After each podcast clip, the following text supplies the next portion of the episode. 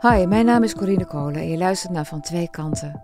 In deze podcast interview ik twee geliefden over hun relatie. En ik spreek ze apart van elkaar, zodat ze openhartig kunnen praten. Deze week Annaloes en Isa. Isa komt uit Senegal en Annaloes uit Groningen. Ze houden van elkaar en gunnen elkaar het allerbeste. Toch botsen hun twee manieren van leven soms. Moet je bijvoorbeeld echt alles in je leven met elkaar delen of is dat typisch Nederlands?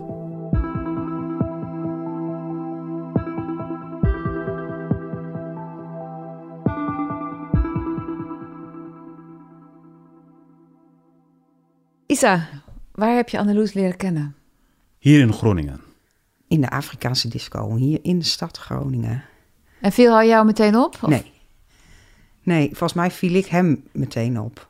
Ja, eh, ja, ik hou van blonde vrouwen en, eh, en ook eh, stevige vrouwen. Je zocht een vrouw. Nee, eigenlijk niet. Je komt gewoon daar om, om even gewoon... Er is Afrikaan disco waar je gewoon ja, mensen kunnen ontmoeten. Genieten van jouw eh, roots. En uiteindelijk ben ik hem, denk ik, twee of drie maanden later wel weer tegengekomen. Toen dacht ik wel van tevoren, oh, ik hoop dat die ene leuke man daar weer is. En toen was hij er. En toen was hij er. En toen is hij ook nooit meer weggegaan. Wat vind je zo leuk aan haar? Dat hij blonde is. Blauwe ogen. En dat ze gewoon slim is. Oké, dat is genoeg. Weet je, af en toe dan heb je gewoon een klik. Hè? Dan, eh, je praat makkelijk met iemand. En eh, ja, dan zie je ook een hele mooie vrouw, eerlijk vrouw. Ja, hij voelt zo vertrouwd of Hoe zo. kan dat? Dat vind ik altijd zo ingewikkeld om te zeggen. Maar ik denk dat Isa meer dan ik gewoon in het moment ook kan zijn. Hij is heel zen.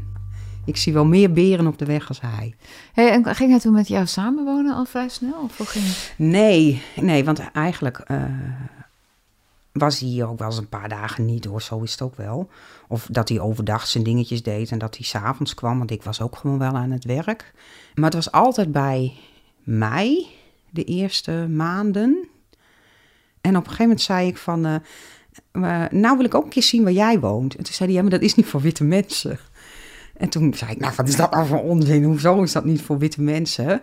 Dus ik had in het begin niet eens door dat hij in een asielzoekerscentrum nog woonde. Ja, mijn achtergrond, dus ik ben geboren in eh Guinea en eh, opgegroeid in Senegal. Zeg maar, ik woon eh, sinds 2000 in Nederland. Nou, dat is wel een grote invloed. Ik denk dat wij allebei veel vaker aan elkaar moeten uitleggen hoe dingen werken. Ik kom gewoon van andere culturen, dus ja, die box altijd. Noem daar eens een voorbeeld van. Eh, toen ik hier kwam, mijn eerste gewoon probleem was, als ik met iemand ouder dan mij gewoon in gesprek ga, kijk nooit aan. En dat betekent voor jullie dat is gewoon, je bent iets aan te verbergen. Maar bij ons is het respecteloos. Om iemand aan te kijken. Ja. Toen ik begon met mijn opleiding, ik had er echt moeite mee. En eh, ja, altijd die docent zei, ja, maar is hij, waar heeft het te verbergen? Je bent anders, hè. De mensen zien je ook anders. Ze gaat gewoon misschien generaliseren. Ik was altijd in de veronderstelling als links blond meisje dat het allemaal wel meeviel in Nederland. Ik kan me herinneren dat ik, eh, nou, ik denk zes maanden of zo verkering met hem had. En eh, toen was ik met hem en een hele goede vriend eh, van Isa in de stad. En toen werd ik ineens in de gaten gehouden in de bijkorf. Door beveiliging. En dat had ik, had ik echt nog nooit van mijn leven meegemaakt. Nog nooit. Ja, nee, maar weet je, dat is heel vaak. Hè? Dat is echt heel vaak. En, ook op je werk. Hè? Dat zie je ook bij Fabio gewoon als jij iets eh rapporteren. En de taal heeft mij gewoon heel tijd gekost om de taal te leren. En tijdens mijn opleiding had ik heel moeite, omdat als ik gewoon iets zeg dat ik wel begrijp, mensen gaan gewoon maar drie keer vragen, begrijp je echt wat gezegd is? En eigenlijk, misschien ben je gewoon slimmer dan hun, maar je moet gewoon kiezen wat je moet zeggen en de kost tijd. En mensen denken, oké, ja, hij is niet zo slim. ik, me- ik vind het zo knap dat Isa daar niet verbitterd van raakt. En dan zeg ik, ik verwijs Oesay ook vaak wel naar haar vader over dat soort eh, gebieden, omdat ik me daar gewoon niet in kan verplaatsen. En dat, dat ze dat echt bij papa moet doen. En dat hij daar wel een hele mooie manier in heeft eh, om te laten zien weet je, wie je, wie je bent. En ik snap ik best wel, ik, ik, ik word nooit een Nederlander. Nee? Ik kan gewoon een gevoel hebben om te Nederland te zijn, maar ik word nooit Nederlander. Maar ik kan er niet zeggen dat het ligt bij Nederlander. Ik kan gewoon zeggen wat ik, ik zie, concreet. Als ik naar Senegal ga, mensen denken, oh oké, hij denkt dus te westen. Ik probeer gewoon daar ook een Senegalist te zijn. Een, een Senegalist pakje aan, geen westers gewoon, eh, geen broek. Je bent daar ook aan het aanpassen. Ja. En je bent gewoon verdeeld in twee landen. En eigenlijk, ik ben gewoon mijn identiteit kwijt. Ik ben geen Nederlander, ik ben geen Afrikaan. Hoe is dat? Ja, moeilijk. Echt moeilijk. Heb je het gevoel dat hij zich veel moet aanpassen? Ja, ja, ja. Ja. Ik denk elke dag. Dat hij bijvoorbeeld van alles moet overleggen, overleggen met mij. Ja, dat hoeft hij daar niet. Dat doe je gewoon. Ja, ze willen alles weten. Wie, wie ga je afspreken en hoe en wanneer? Jouw rooster, hoe ziet het eruit volgende week? Ja, noem maar wat. Eigenlijk, je moet gewoon alles vertellen wat je gewoon eh, volgende week doet. En ook misschien, wat ga ik morgen eten? Ja, dat weet ik niet. En dat vind, vind, je, vind je storend. Ja, Waarom? ja nee, omdat ik denk dat overdag, ik kan gewoon zeggen vandaag, ik heb wel zin in eh, rijst. Of iets anders. Ik hoef niet eh, van tevoren te besluiten wat ik ga morgen of overmorgen eten. Of die hele week een mapje doen. Gewoon dit pasta, dit, dit. Nee, nee, nee, nee, nee, dat is te ver voor mij. Oh, die man, als die man eten kookt, vind ik zo irritant. En die gaat 17 keer naar de winkel. Terwijl ik denk, bedenk even van tevoren wat je gaat maken. Wat je daarvoor nodig hebt. Ga je één keer naar de winkel, dan kun je gewoon gaan koken.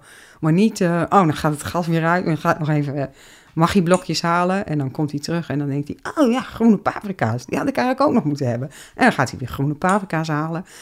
Nou, dat soort dingen, ja. Maar dat ergert je? Eh, ja, het duurt allemaal zo lang dan, ja. Dan denk ik, ah man, denk even na. Want hoe Ik heb- gaat dat dan? Gaat, dat- zeg je dan ook tegen hem of niet? Eh, ja, vroeger wel. Inmiddels niet meer. Dan denk ik, ah, nou ja, het is wel lekker. Dus ah, weet je, dit is, eh, dit is wat het is. Dan kun je eindeloos ruzie over maken, maar het wordt niet meer anders. En weet je, je moet ook je strijd kiezen, zou ik maar zeggen, om, om aan te gaan. En, en dat is deze niet waard. Welke strijd heb jij gekozen? Ehm, eh, delen wat je bezighoudt. Hij heeft natuurlijk wel een aantal dingen waarvan hij denkt, ja, dat vind ik gewoon de moeite waard niet om te vertellen. En dan probeer ik toch uit te leggen waarom ik dat wel vind. Zoals? Ehm, Kijk, bijvoorbeeld, ik, eh, ik hoef niet te weten wat Annelies verdient. Ik hoef niet. Maar zij hoeft ook niet te weten wat ik eh, verdient. En als ik zeg dat zo ben ik opgegroeid, dan denk ik, ja, wij zijn in Nederland, we moeten gewoon alles verdelen. Daar ben je niet mee eens. Kijk, als gewoon, wat moet gebeuren? Eh, bijvoorbeeld gewoon, als gewoon eh, eh, de huren moeten betalen worden, ja, dan kunnen we gewoon verdelen. Dat kan ik geven. Maar je hoeft niet te weten wat ik verdien. Waarom niet? Ja, omdat gewoon, zo ben ik. Gewoon zo, zo ben ik opgegroeid. Weet je hoeveel die verdient? eh, ja, inmiddels wel, ja. Maar heb ik ook lang niet geweten. Hoezo dan? Ja, omdat hij vindt dat dat eh, mij niks aanging. Snap je was, eh, nou ja, inmiddels ietsje beter. Eh, omdat hij dat dan wel uitlegt. Van ja, maar dat hoefde, mijn vader die hoefde echt niet te vertellen wat hij verdiende. Ik zei, nee, maar je woont nu wel in het Westen en je bent met mij. En we zijn één economisch huishouden. En we, moeten die, we hebben beide inkomen nodig eh, om, het, om het rond te breien. Dus ik vind dat ik daar wel recht op heb om te weten wat je verdient. Is dat raar om met een man samen te zijn van wie je eigenlijk zo weinig weet? Ja, ja vond, ik, vond ik wel lastig. Ja, Ja, nee, maar dat is, dat is echt Nederlands. Weet je, op een gegeven moment, zij willen gewoon grip eh, hebben van alles. En dat is zo, zo eh, bijna alle Nederlanders zijn. Dus ja, ze willen gewoon alles overzicht, gewoon alles hebben. En eigenlijk, je kunt niet alles hebben. ik zeg altijd van iedereen die geëmigreerd is. Ziet bij alle vrienden van Isa eh, dat er gewoon een tweesplijting eh, plaats heeft gevonden. Ze horen niet hier en ze horen niet meer daar. Dus dat dat, ja, dat, dat e- echt een enorme impact heeft. En hoe uitzicht dat bij hem? door eh, hier soms heimwee te hebben naar daar. En dan is hij daar en dan heeft hij vreselijk heimwee naar ons. Ja. Zou jij terug willen? Ja, heel graag. En je dochter, zou die meegaan? Ja, dat is het dilemma. Kijk, dat is een dilemma. Die heeft gewoon, eh, eh, als je kijkt, ik heb, eh, zij heeft een meer perspectief hier in Nederland dan, eh, dan Senegal. En ik ga ook niet eh, eh, iemand afdwingen om naar Senegal te gaan. En Anneloes, waar- Anders ook. die wil ook niet mee. Ja, die wil wel misschien gewoon vakantie daarheen, maar niet wonen. Denk je dat hij liever terug zou gaan naar Senegal? Eh, jawel, dat denk ik wel. En ik denk ook dat dat wel gebeurt uiteindelijk als wij ouder zijn. Ja, nee, maar je groeit eh, met het idee dat gewoon eh, Europa is beter dan Senegal. Zo ben ik op, opgegroeid. Dat ik denk, als ik naar Europa ga, dan ben ik rijk. En ik weet zeker, als ik gewoon, hoe ik hier werk, als ik gewoon Senegal gedaan heb, ik zou anders zijn. En daarom wil ik ook elke jaar, als het goed is, gewoon daarheen om, om te kijken wat ik ook misschien kan eh, bijdragen. Kan ik, wat kan ik gewoon doen voor die jongens? Of wat kan ik doen ook voor de toekomst van de armoede? Weet je nog wanneer jij voor het eerst in Senegal kwam? Ja, dat weet ik. Toen was Oesé zes. Dus eh, dat is zes jaar geleden. Maar waren dat dingen, wa- wa- wa- zag je op dat moment dingen die je daarvoor nog niet gezien had? Want je was toen al heel lang met hem ja, samen. ik was al best wel lang met hem samen. Je ziet hem natuurlijk, dan ben je wel altijd, heb je hem altijd hier, hè? Ik denk dat je wel ergens denkt van, nou ja, die man die komt wel van ver weg. Maar ergens, als je er zelf nooit geweest bent, weet je, no weet je toch niet dat het zo'n andere wereld is. Hoe vindt Anneloes het daar? Ja, vreselijk.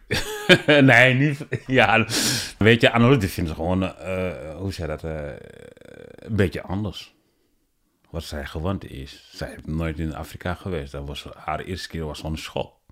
Wat, wat, wat vond ze vooral heel scho- schokkend? Ja, alles gewoon, eh, ja, dan, dan rommelig. alles gewoon, ja, dat is niet netjes geregeld. Maar hoe werd zij daar behandeld? Ja, nee, maar hoe? Kijk, je, je hebt gewoon andere roots, hè. Die is blonde, die is gewoon, ze valt op. Dus ja, dan, dan tussen gewoon donkere mensen, ja, dan vallen ze gewoon op. S- ja, zij is wel ge- snel geaccepteerd door mijn familie. En had je geen behoefte om daar eerder naartoe te gaan? Eh, nee, want ik ben echt, ik ben niet zo'n wereldreiziger. Ik ben eigenlijk een, ja, ik zeg altijd een beetje Gronings boerenmeisje. Maar ik wist ook niet zo goed dat hij nog heel veel familie had. Totdat ik daarheen ging. Nou, daar kwam ik daarvoor wel achter, want ik voelde het wel aan mijn water. Dus ik zei wel van wie ga ik eigenlijk allemaal tegenkomen. Want ik wil niet daar zijn en dan nog voor allerlei verrassingen komen. Die verrassingen moet je nu, moet je nu vertellen. Dus ik wist het van tevoren, toen we daarheen gingen wel, Wat vertelde die? dat zijn vader daar nog was. Ja, Ja, nee, maar dat was gewoon over familie. Dat je gewoon niet vertelt gewoon wie, wie was, wie, wie was. Of wie mijn echt vader of, of mijn echt moeder was. Ja, Het is niet zo belangrijk voor haar om te weten wie mijn Ja. echte vader en wie Ja. mijn echte moeder zijn. ja. En wie mijn broer is. Ja, dat, is- ik dacht gewoon, ja, dat, dat gaat om mij tussen ons. Hier in Nederland, dat voor dat ga je gewoon trouwen, dan weet je iedereen gewoon oom, tante, noem maar wat. Nou ja, hij, hij ha- had natuurlijk in het begin, want Isa is hier bi- binnengekomen als een asielzoeker. Dus hij had daarin wel een verhaal. En ik, ja, ik dacht dat dat het verhaal was. Dus eh, ja, daar heb Wat ik was niet het verhaal wat hij vertelde? Dat hij eh, geen ouders meer had en, geen, en eh, nog wel wat broers, maar ja, dat, hij, dat hij niet meer leefde.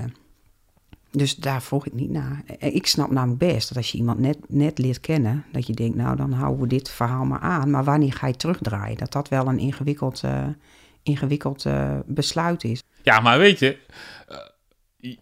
ik denk misschien, alles voor jullie, dat is geen taboe. Hè? Jullie kunnen gewoon alles bespreken. Maar bij gewoon sommige dingen zijn gewoon gevoelig. Ik denk niet over na op dat moment, gewoon dat ik in Nederland woon. En dat ik gewoon alles kunnen bespreken. En voor haar misschien heb ik gelogen. Jullie hadden, eh, toen jullie dochter vijf jaar was, was er een enorme crisis, klopt dat? Ja, dat was nadat we in Senegal Ja? waren, ja. Had dat met Senegal te maken? Ja, dat denk ik eigenlijk wel. Nou, kijk, wat Isa altijd lastig vindt is nee zeggen. En dan zegt hij uh, geen nee, maar dan zegt hij ja, maar dan doet hij eigenlijk nee. En ik kwam ergens een keer op een gegeven moment wat vroeger dan normaal van werk thuis. En we hadden, Isa heeft, ik weet niet of hij dat ook verteld heeft, een stichting hè, waar hij uh, spullen uh, verzamelt. Naar Senegal brengt, hè, hulpmiddelen. Zes jaar geleden was ik gewoon begonnen met een stichting. Dus is nog niet, dat was niet opgericht. Maar ik was gewoon, ik, ja, ik kwam gewoon met het idee, ik wil gewoon een stichting oprichten. Voor mensen met een beperking in Senegal.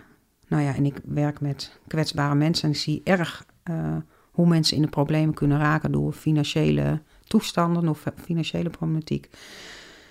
Dus ik had tegen hem gezegd dat ik dat zo'n stichting niet zo'n heel goed idee vond nog. Uh, omdat hij daar mensen voor, om zich heen moest hebben die uh, verstand hadden van hoe je moet boekhouden met stichtingen, et cetera.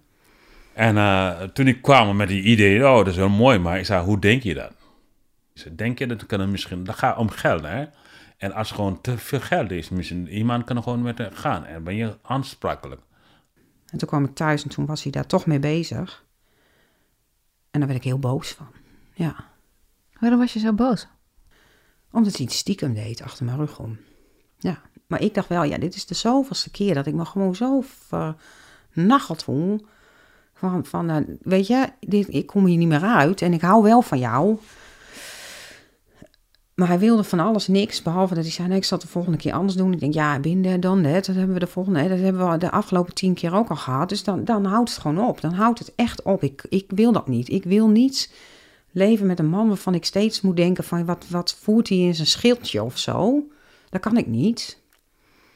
Hebben jullie wel eens op punt gestaan om uit elkaar te gaan? Ja, ik ben, uh, ik ben zes maanden, volgens mij zes of vijf maanden gewoon uh, ergens aan de huur een kamer. Was dat in die tijd? Ja. Nou, dat is echt een crisis, ja. En toen uh, heeft dat denk ik echt wel een aantal maanden geduurd. En toen zei ik op een gegeven moment zei ik tegen Isa... Ik zei, Isa, we moeten een ouderschapsplan gaan maken. Nou ja, zeg je, wat, een ouderschapsplan? Ik zei, nou ja, dat moet. We hebben gedeelde voogdij. En als wij nu niet meer bij elkaar wonen en we gaan elke, hè, allebei ons dan moeten we wel afspraken maken over hoe het met Oesee moet, want we hebben gewoon gedeelde voogdij. Toen zei hij, ja, maar dat, dat hoeft toch niet? Je weet toch dat je alles uh, kan krijgen wat je nodig hebt voor Oesee? Toen zei ik, ja, mijn lieve, dat zeg je nu. Maar als het leven verder gaat, misschien kom je wel een hele leuke Afrikaanse vrouw tegen en krijg je nog drie kinderen. Ik zei, en dan vraag ik jou om geld voor nieuwe schoenen voor Oesee. En heb je net een wiegje gekocht. Ja, en dan zit ik met de gebakken peren, dus dat moeten we gewoon vastleggen. En toen, en toen brak hij, toen moest hij zo huilen. Toen zei hij ook, denk je dat ik ooit nog een andere vrouw uh, zal trouwen als met jou? Want jij hebt mij gemaakt tot wie ik ben. En, uh, en toen zei ik, maar daar moeten we het volgens mij over hebben. Want dat heb ik niet gedaan. Ik, dat heb je zelf gedaan.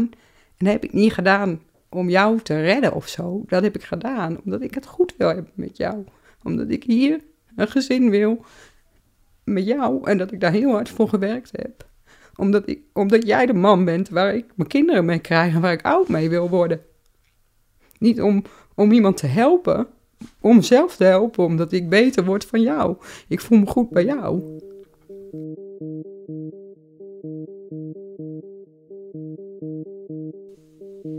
Weet je, op een gegeven moment, je kiest voor liefde. Je denkt, alles wat gewoon gebeurt, je kan wel accepteren door de liefde. En daar gaat om. Kijk, ik accepteer uh, hoe zij is, omdat ik denk dat ik ook van haar houd. En daar gaat om. En toen, daarop ontstaan dan gesprekken. En dat hebben we ook wel met een goede vriend van hem gedaan. Die ook zo af en toe wat beter kon uitleggen hoe, hoe dingen dan werken voor, voor de Afrikaanse man, zou ik maar zeggen. dat was ook een Afrikaanse vriend? Ja, dat is een Afrikaanse vriend die al veel langer, uh, veel langer hier uh, is dan, uh, dan Isa ook. En wat heeft die vriend verteld? Nou, dat zij niet zo zijn van ik hou van jou, ik blijf je trouw. Nou, dat wel, maar dat ze dat niet zo erg zeggen soms. De Senegalezen. De Senegalezen, ja. En dat Isa dat dan zegt uh, door uh, hier dan te staan met een hele dikke nagelnaaien, zoals we dat in het Gronings zeggen. Nagel, wat? Nagelnaaien, een, een hele mooie nieuwe, nieuwe fiets. Ik had nog nooit een nieuwe, nieuwe, nieuwe fiets gehad. En wat legde die vriend aan Isa uit? Dat hij moet praten, ja. En dat hij dingen moet uitleggen. En is hij dat toen gaan doen? Ja, meer. Ja, veel meer, ja. Kijk, ik hou van Anneloes, hoe zij is. En, en ze ondersteunt mij en kunnen, ik kan er gewoon met haar in gesprek. Ze kan gewoon lachen, ze kan gewoon alles. Ze kan gewoon met vakantie gaan, noem maar wat. En dat zijn gewoon dingetje die in stel moet gebeuren. En dat gebeurt ook. En als ik over verdrietig ben, ze kan gewoon mij troosten. En als zij verdrietig is, kan ik haar troosten. En dat gaat om. hey, en um, die stichting is er nu? Is er nu wel elke jaar verzamel ik gewoon die afgeschreven hulpmiddelen van rolstoelen, krukken, noem maar wat. Dat is verschrikkelijk.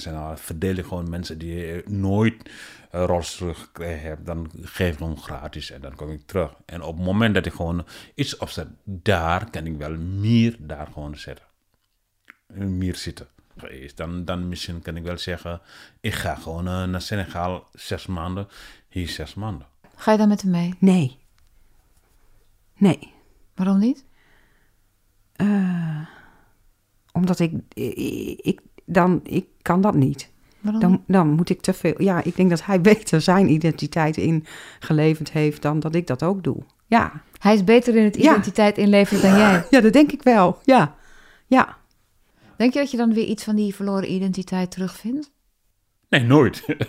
nee, ik denk nog nooit. Ik denk echt nooit. Als hij dan inderdaad een half jaar per jaar in, in Senegal gaat, uh, gaat wonen. Ja. Ben je daar uh, oké mee? Dat vind je prima. Dat, dat, dat, dat gun je hem? Of dat wil je zelf graag? Of hoe, hoe zie je dat voor je? Nee, dat gun ik hem. Want ik, ik had ooit vroeger wel een ander idee over samen oud worden, Hoe denk ik. Nou ja, weet ik veel. Een beetje zoals Ede Staal zingt, hè, van een Lutje Huuske achter Diek. Dan zou ik niet een klein huisje achter de dijk willen, maar uh, gewoon lekker hier in de binnenstad of zo. ja, dus dat gun ik hem wel. Het is niet dat ik dat nou heel graag zou willen, maar ik denk ook wel, weet je, dat hij daar dan gelukkiger van wordt. En dat wij daar dan misschien ook wel gelukkiger van zijn als we wel bij elkaar zijn. Ben je gelukkig nu?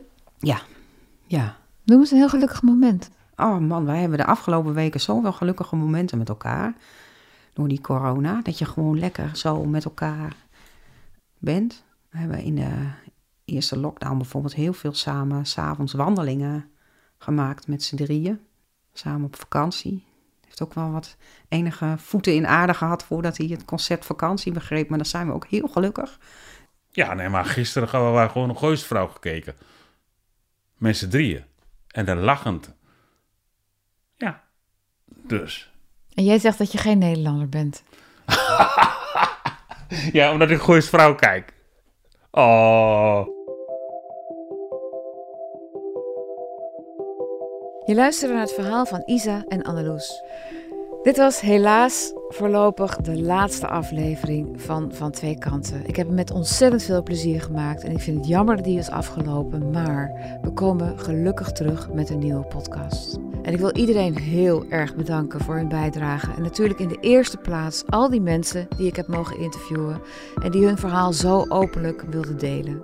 Daarnaast Corinne van Duin voor haar inspirerende begeleiding. En natuurlijk Simone Eleveld voor haar fantastische montages. En Marijke Jonkerschouter voor haar bevlogen inzet. Dankjewel Marijke. En verder iedereen die hier aan meegewerkt heeft. En natuurlijk bedankt aan jullie, jullie trouwe luisteraars en voor alle enthousiaste reacties die ik heb mogen ontvangen. Mochten jullie naar aanleiding van deze aflevering toch nog in contact willen komen, mail dan naar vantweekanten.volkskrant.nl. Voor nu is dit dus de laatste aflevering, maar jullie zijn nog niet van me af. Zo kan je vanaf 8 april mijn boek Verstoord Verlangen kopen, vol interviews over de effecten van de COVID-maatregelen op de manier waarop we lief hebben. Interviews met mensen die het hebben meegemaakt en deskundigen.